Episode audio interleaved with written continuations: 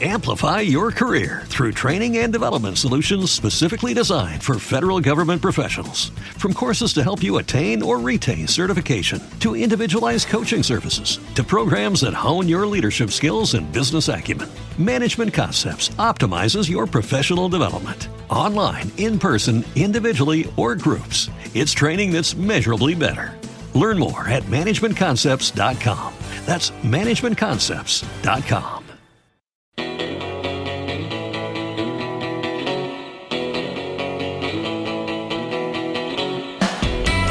Ondara Sport View. Tota la informació de l'esport local amb Toni Marí.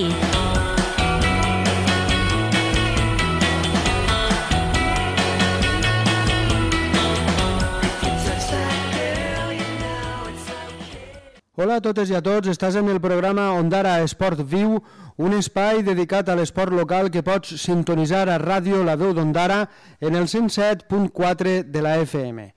En la primera part del programa parlarem sobre resultats i notícies i en la segona part tindrem una entrevista. Avui vindran als estudis de ràdio La Veu d'Ondara Marc Xessa, regidora d'Esports de l'Ajuntament d'Ondara, i Pep Giner, que és el coordinador del Gegant de Pedra, perquè este diumenge, 19 de febrer, se celebrarà al nostre poble el Gegant de Pedra.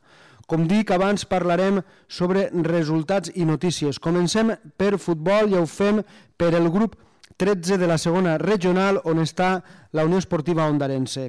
El passat cap de setmana es va disputar la jornada número 18 i l'Ondarense va guanyar a casa 4 a 1 contra el Montnegre de Mutxamel. En estos moments els d'Ondara estan classificats en el lloc 5 amb 32 punts, a 13 punts del segon i a 14 punts del primer. És la victòria número 10 en Lliga. Pròxima jornada, l'Ondarense jugarà al camp de l'Immaculada, serà el diumenge 19 de febrer a les 12 del migdia. En la Lliga de Futbol de Veterans hi ha un equip d'Ondara, que és Ondara Veterans. Es va disputar la jornada número 20 el passat cap de setmana i Ondara Veterans va guanyar 2 a 0 el Calp Veterans. Després d'esta victòria, els d'Ondara estan classificats en el lloc 15 amb 15 punts. En futbol sala, en la primera regional provincial, està el Racing Ondarense, es va disputar la jornada número 17 i el Racing Ondarense va perdre 6 a 0 a la pista del Faro Santa Pola, segon classificat. En estos moments els d'Ondara estan classificats en el lloc 5 amb 28 punts.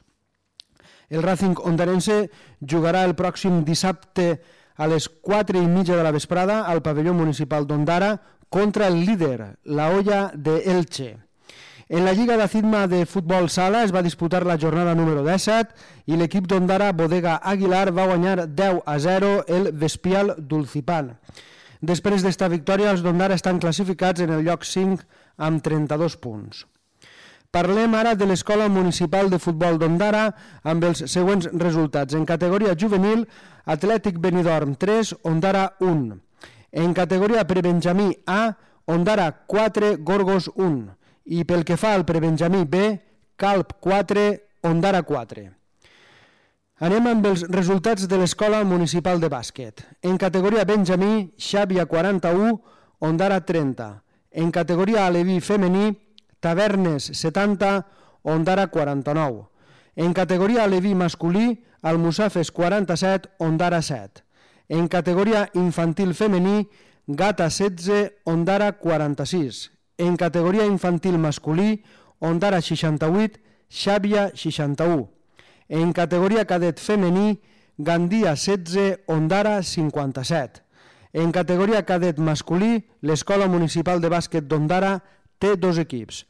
Gata 21, Ondara B 40 i Elx 61, Ondara A 47. En categoria júnior femení, Ondara 60, Alacant 47. En categoria júnior masculí, Penyarroja 60, Ondara 66. Parlem ara del Club Bàsquet Ondara, que té un equip femení i un equip masculí. Pel que fa al sènior femení del Club Bàsquet Ondara, Club Bàsquet Ondara 35, Dènia 77 i pel que fa al sènior masculí, Benissa 62, Club Bàsquet Ondara 57. Parlem ara de l'Escola Municipal de Pilota d'Ondara perquè el passat cap de setmana es va proclamar subcampiona provincial de galotxa en quatre categories, Benjamí, infantil, cadet i juvenil. L'enhorabona.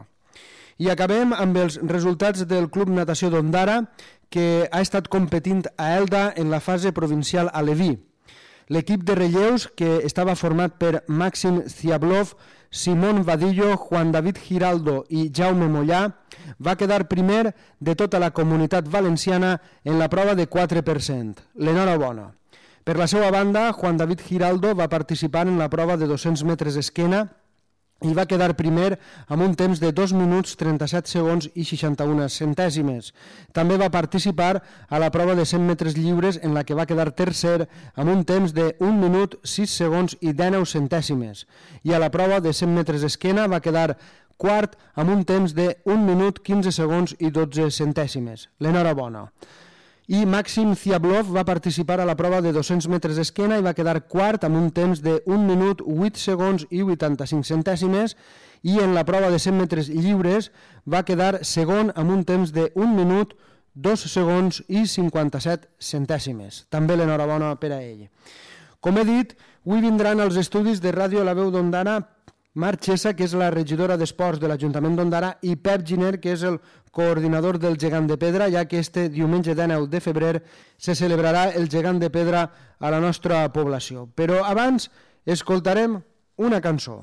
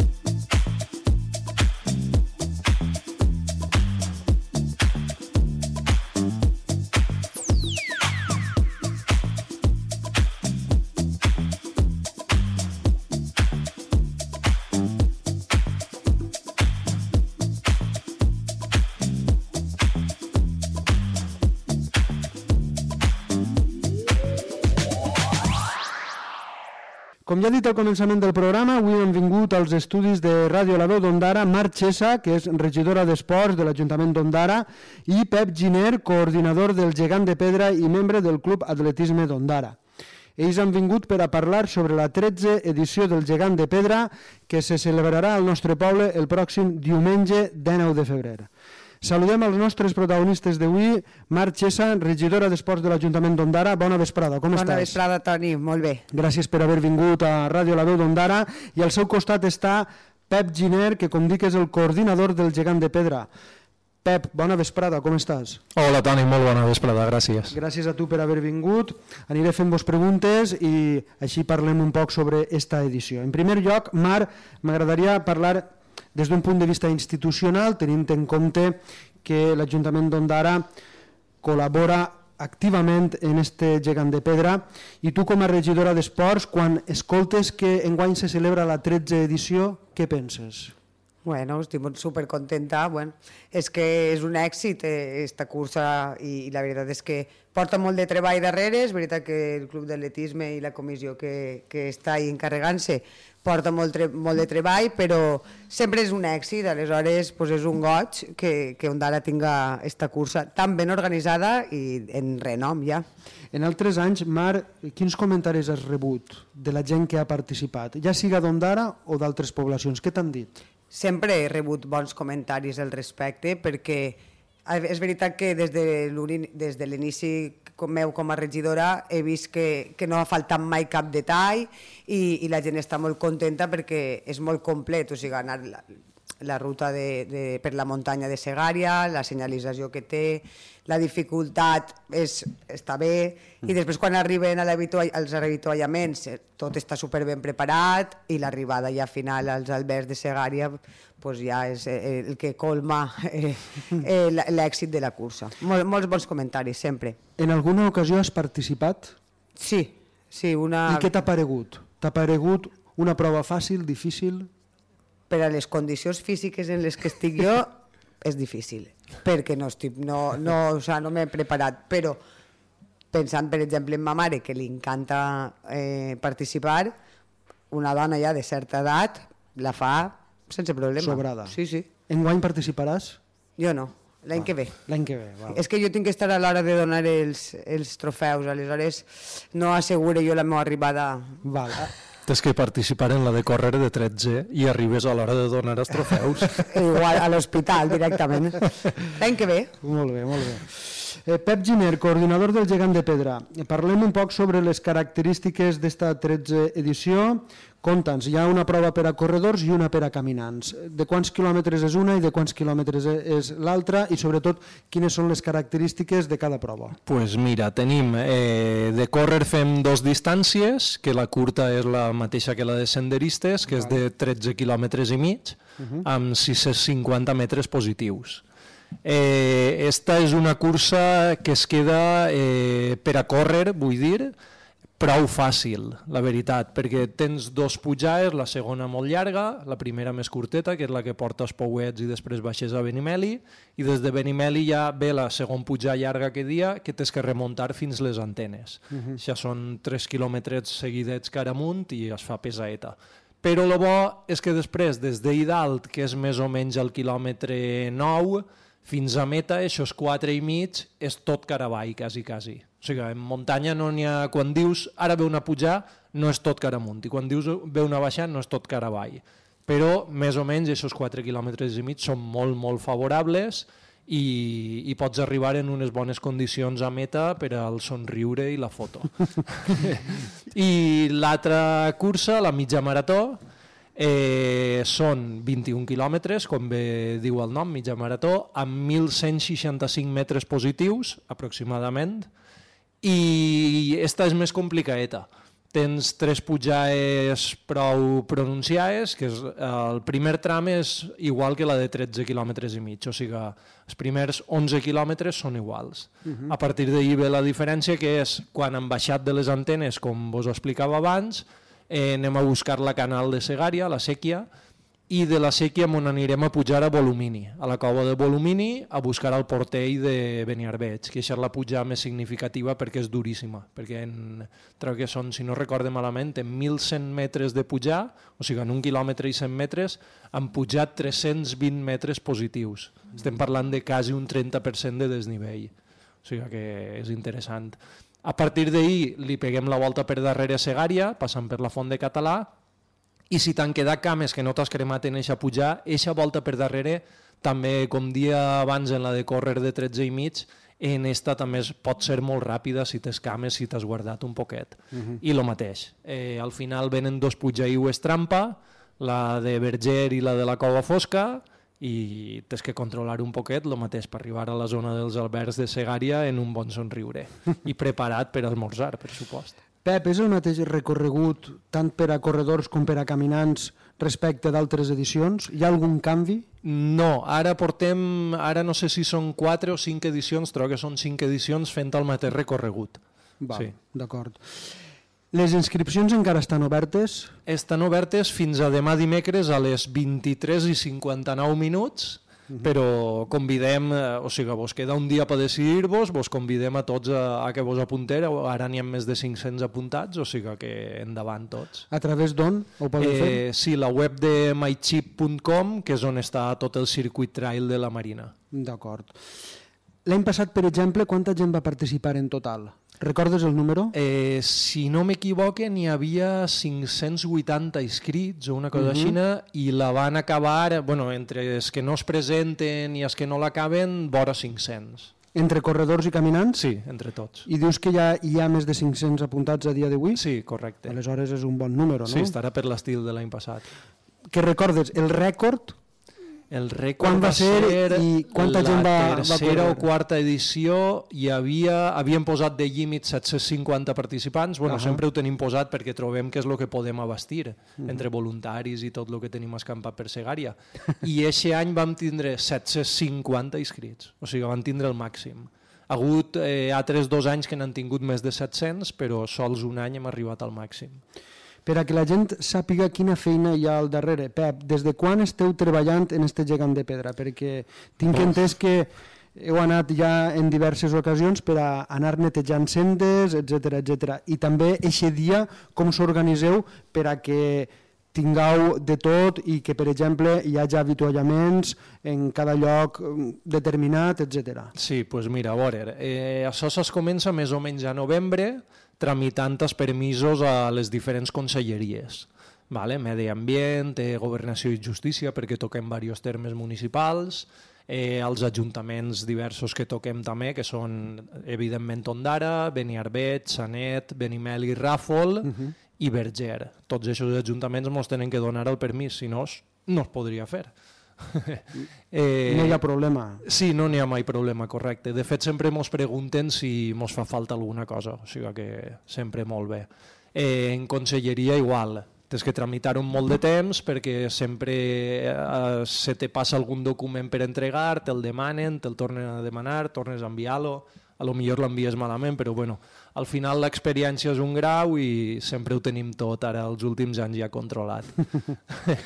I bé, com bé has dit, eh, des de fa més o menys un mes, mes i mig, van començar a netejar senders, van fer una primera neteja molt gorda, perquè van fer quatre quadrilles de neteja i en un mateix dia vam netejar, eh, diguem que el 90% de lo que feia falta netejar, que era quasi tot en guany. Uh -huh i, i ara han tingut dos caps de setmana més que també han anat a tres quadrilles a netejar però ja soles anaven dos o tres horetes. I aquesta primera neteja que et comentava va ser des de les 8 del matí fins a les 2 del migdia que vam acabar. Mm. o sigui que van ser hores.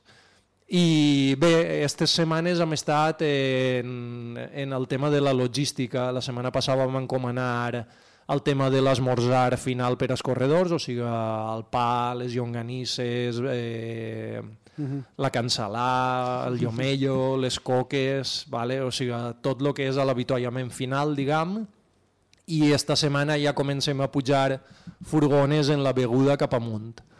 Uh -huh. i o sigui, tindreu tot preparat allí preparant els cartells també que posem en les cruces i tot això i en els avituallaments també tenim cartells i la cursa comença el dissabte. O sigui, per a nosaltres el dissabte ja és dia de cursa perquè a les 8 del matí comencem a encintar fins al migdia, que s'encinta tot el recorregut en cintes balisadores perquè els corredors i senderistes sàpiguen per on va el recorregut exacte, i bueno, això és un grup de gent que està durant tot el matí cintant, després tenim altres grups que estan uns preparant la carn, els altres eh, acabant de pujar les compres o escampant-les als voluntaris que aniran als avituallaments, etc. Uh -huh.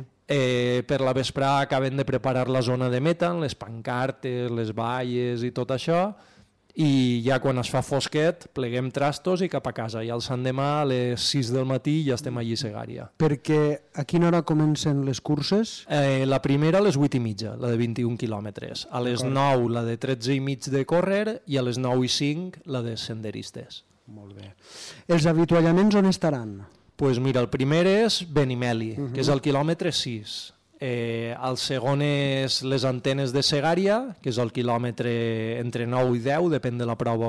Eh, per a la mitja marató és el 10, per a la curta és el 9. Els de la curta ja no en tenen més, perquè d'ahir ja se'n van a meta, però els altres tenen a la Font de Català, que és el quilòmetre 13, eh, habituallament altra volta, i després al Merendero de Berger, al quilòmetre 17, un altre habituallament. Molt bé. Estem entrevistant Marc Xessa, regidora d'Esports de l'Ajuntament d'Ondara i també Pep Giner, que és el coordinador del Gegant de Pedra, perquè este diumenge 19 de febrer se celebrarà al nostre poble la 13 edició del Gegant de Pedra. Pep, durant el temps que Marchesa ha estat com a regidora d'Esports, eh, quina ha sigut la relació que heu tingut per a poder organitzar un gegant de pedra com cal? Pues la veritat que ha sigut una relació prou fàcil perquè ella també havia fet esport de jove, sap el que costa això, i sempre ens ho ha posat tot en bandeja. O sigui que no, no puc dir res ruïn d'ella, i, I ara menys que la tinc davant. I ara, al contrari, des del teu punt de vista, quina ha sigut la relació amb el Club d'Atletisme d'Ondara, en este cas per a celebrar el gegant de pedra?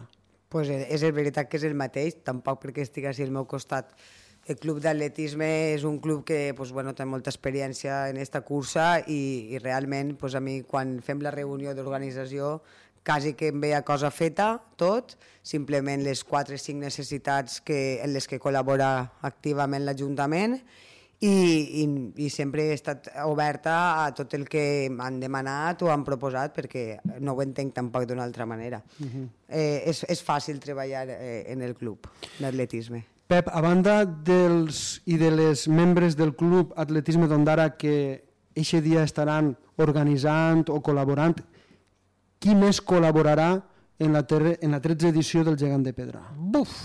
Una burra de gent. Per exemple, qui? Eh, a veure, moltíssima gent del poble i de fora del poble també, familiars, amics, emboliquem a tot el món que puguem. O sigui, imagina't, només en la zona de meta, entre els que estan rebent els que arriben, donant-los les samarretes i tal, més els que preparen el menjar, o sigui, les planxes, més els que estan donant els bocates, sí, sí. les coques, la beguda i tal, allí tenim a més de 20 persones. Després, en els dos primers avituallaments, que passen totes les curses per aquests dos, entre 12 i 15 persones a cada un dels avituallaments. Els altres dos avituallaments, unes 5-6 persones. Uh -huh. A banda de tots aquests, que en un moment n'hauré dit 50-60, tenim, eh, crec que són 27 o 28 persones més escampades per la muntanya, en cruces, en pujades o baixades complicades, etc.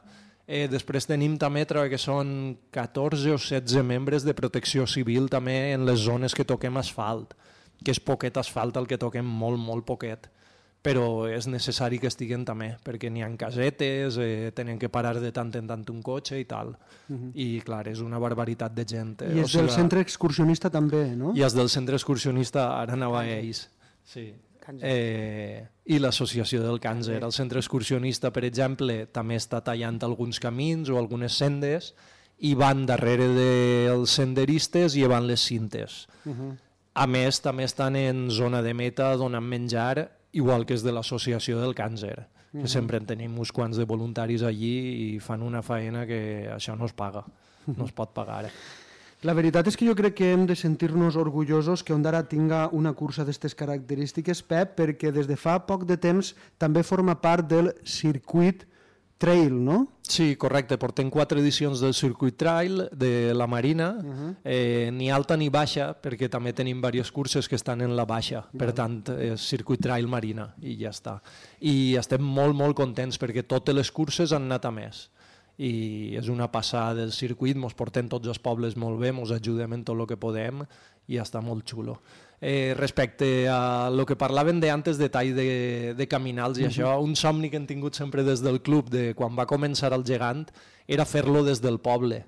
Però uh -huh. clar, tenim el problema que per arribar a Segària tenim quasi 3 quilòmetres d'asfalt i tant al principi com al final els corredors tindrien que fer això i clar, la volta a Segària ja no seria tan bonica com és perquè t'ho han preguntat en alguna ocasió sí, sí, dit, sí. per què no és des d'Ondara? Clar, ho pregunten molts eh, lo ideal seria això, tinguent un edifici com el Prado que ens serveix per a tot en la plaça de Bous al costat i tal lo ideal seria eixir des d'allí, eh, creuar en algun punt el riu antes de poder anar al pont, que es pot, però bueno, quan estigui el Molicovi acabat, igual, igual, igual és igual una bona idea, ahí. sí, sí, sí. I després tenim tot el camí de Vinyals, que ens portaria directes a, a la zona de la cantera, pues bueno, seria plantejar-ho a veure com ix.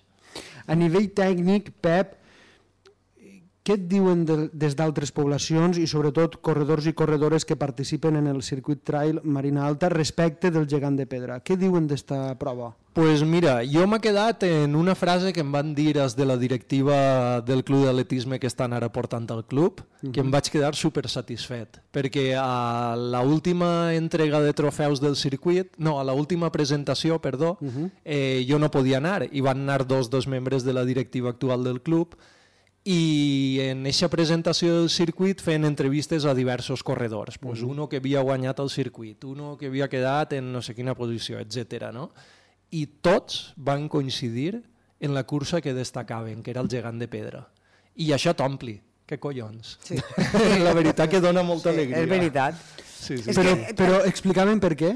Sí, sí, perquè és una cursa que té de tot. Té eh, algunes pujades amb molt de desnivell, altres pujades que es poden córrer, baixades molt, molt tècniques que te les veus molt apurat, altres baixades molt corredores, o sigui, té de tot. Eh, tens vistes a l'interior, tens vistes a la mar, després eh, sempre els voluntaris intentem prendre-nos-ho com una festa. Sí. I això, Això és el que jo volia dir. clar, el participant Sí. això ho nota i ho agraeix. És veritat. Eh, eh, jo eh, ara quan estava recapitulant tota la gent que col·labora, que és molta, o sigui, és que igual n'hi ha un centenar o un Sí. centenar i pico de gent, és com molt festiu. El que estan eh, en la font de català a les 8 del matí, que fa un fred que, que, que pela, però estan allí supercontents i jo recordo com a corredor, com a caminant, quan passaves per allí, l'ambient que es respirava, Hmm. tant en Benimeli com en la font de català, i després quan arribes als albergs, això, és un ambient molt festiu. Jo penso que després de la currar que es peguen en tant de temps preparant-ho tot, la gent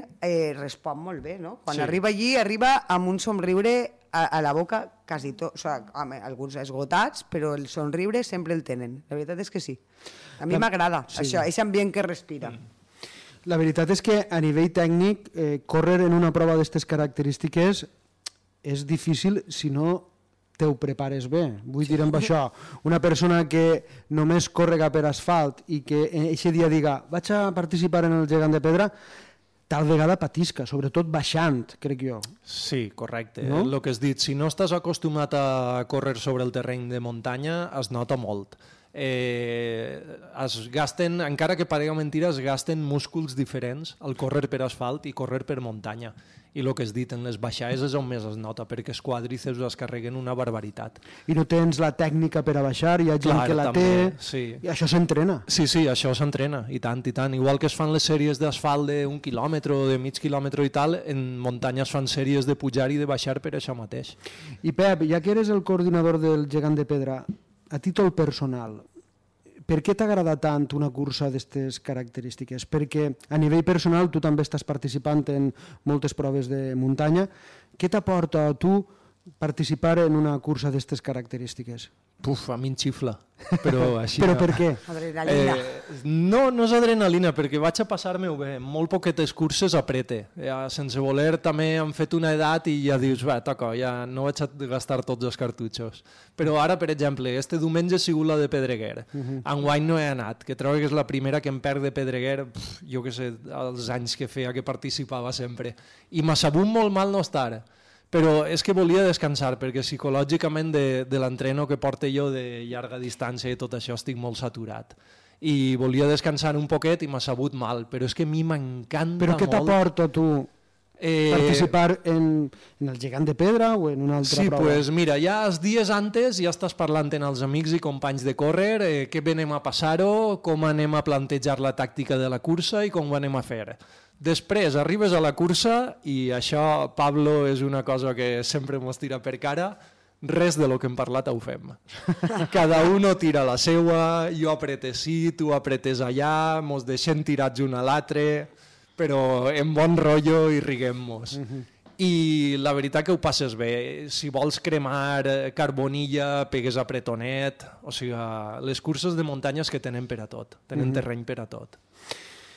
Ja per últim, Mar i Pep Giner, quina recomanació o quines recomanacions voleu fer de cara a esta 13 edició del Gegant de Pedra o quin missatge voleu donar a la gent? pues mira, jo vull donar-ne dos. Uno als participants, tant corredors com senderistes. Si se ho estan pensant, que ni se ho pensen. Que s'apunten, que participen i que ho disfruten. I l'altre, per a tota la gent del poble que vulgui vindre a col·laborar, estem oberts, sempre es necessiten mans i peus i que vingui a ajudar la gent. Mira, ja que parles de la gent, on recomanes que la gent es pose a veure la prova? Pues mira, eh, a veure, la pujada de Volumini és un lloc molt xulo per a veure-ho, passa que allí sols veus els corredors de la llarga. Val. Eh, L'altre punt seria a la zona dels Pouets, o sigui, el Collao que baixes ja cap a Benimeli, perquè allí et pugen tots hasta el Collao este, a la zona de Pouets, baixen cap a Benimeli i després, quan han pujat les antenes, tornen a baixar cap a tu. Per tant, allí és una bona zona. Es veus dos voltes a tots els participants. I si no, és a la zona de meta. Correcte. Mar, algun missatge? que participen i que ho disfruten, que s'ho passen bé, que tinguin cuidado, perquè és el que diu, pues bueno, eh, n'hi ha gent que es supera, eh, es vol superar en cada cursa i a vegades mm. pues, és, és perillós, que, bueno, que hi ha una ambulància, hi ha servei mèdic i no ens ha fet falta no ens ha fet falta en moltes ocasions, la veritat. No, la veritat que no. Però que gaudisquen de la prova, que és molt bonica, és molt xula, i ja està, i que, que acaben d'apuntar-se, que acaben d'apuntar-se. Fantàstic. Ja per últim, Mar, esta setmana hem sabut que Ondara demanarà subvenció per la rehabilitació del segon trinquetet i per la renovació de les grades del camp de futbol. Tu vols que este tema el tractem en un altre programa o t'agradaria afegir alguna cosa ara? Bueno, no, són dues subvencions que, que bueno, s'han proposat perquè ha, esta subvenció és per a millores d'edificis esportius i des de l'equip de govern, en concret des de la regidoria d'Esports, s'ha considerat que evidentment el, tri, el, tercer, el trinquet que acabem d'adquirir mm -hmm. recentment pues, necessita moltes obres de millora per a poder ser per a poder ser utilitzar i això, una de les, la subvenció havia d'anar destinada allí. Hi ha molta feina, la, la, la petició de subvenció puja a quasi 200.000 i pico euros, perquè pues, bueno, s'han de llevar murs de càrrega, habilitar tot, mm -hmm. no oblidem que aquest trinquet està dins de la casa de, de la veïna i bueno, s'ha d'habilitar l'accés i tota la història. I després una de les coses que també tenim, eh, teníem en ment era habilitar les grades del poliesportiu, perquè és veritat que bueno, la idea seria posar-los un, un techat, mm -hmm perquè la gent que va a veure els xiquets i les xiquetes i a veure el primer equip a l'Ondarense, pues, a l'estiu fa molta calor, el teixat s'agraeix, i a l'hivern, si fa mal temps, pues, el teixat també s'agraeix, i vam pensar que era també una bona opció per a demanar en aquesta subvenció, ja Perfecte. que tenim els altres edificis, més o menys la piscina, tenim la piscina nova, en el pavelló pues, ara ja també tenim la recent posada en funcionament de la ventilació, els trinquets els teníem també ja condicionats, doncs faltava un poc el poli i el nou trinquetet. De tota manera, si et sembla bé més endavant, pots Sí. vindre i ho expliquem Sí. amb més tranquil·litat, Correcte. perquè no tenia res a veure amb el gegant de pedra, però volia Sí, aprofitar sí. la presència de Marchesa per almenys Sí. donar aquests titulars. Ahí anem. Molt bé, Marchesa, regidora d'Esports de l'Ajuntament d'Ondara, moltes gràcies per haver vingut a Ràdio La Veu d'Ondara, l'enhorabona per la teva tasca i t'espero pròximament per així. Moltes gràcies, Toni. Pep Giner, coordinador del Gegant de Pedra, membre del Club Atletisme d'Ondara, gràcies per haver vingut a Ràdio La Veu d'Ondara, també donar-te l'enhorabona per esta organització que crec que és excel·lent. Moltes gràcies, Toni. Recordar que la 13 edició del Gegant de Pedra se celebrarà a Ondara este diumenge 19 de febrer. Estàs sintonitzant Ràdio La Veu d'Ondara, la teua ràdio. Ondara Sport View. Amplify your career through training and development solutions specifically designed for federal government professionals. From courses to help you attain or retain certification, to individualized coaching services, to programs that hone your leadership skills and business acumen, Management Concepts optimizes your professional development. Online, in person, individually, or groups, it's training that's measurably better. Learn more at managementconcepts.com. That's managementconcepts.com.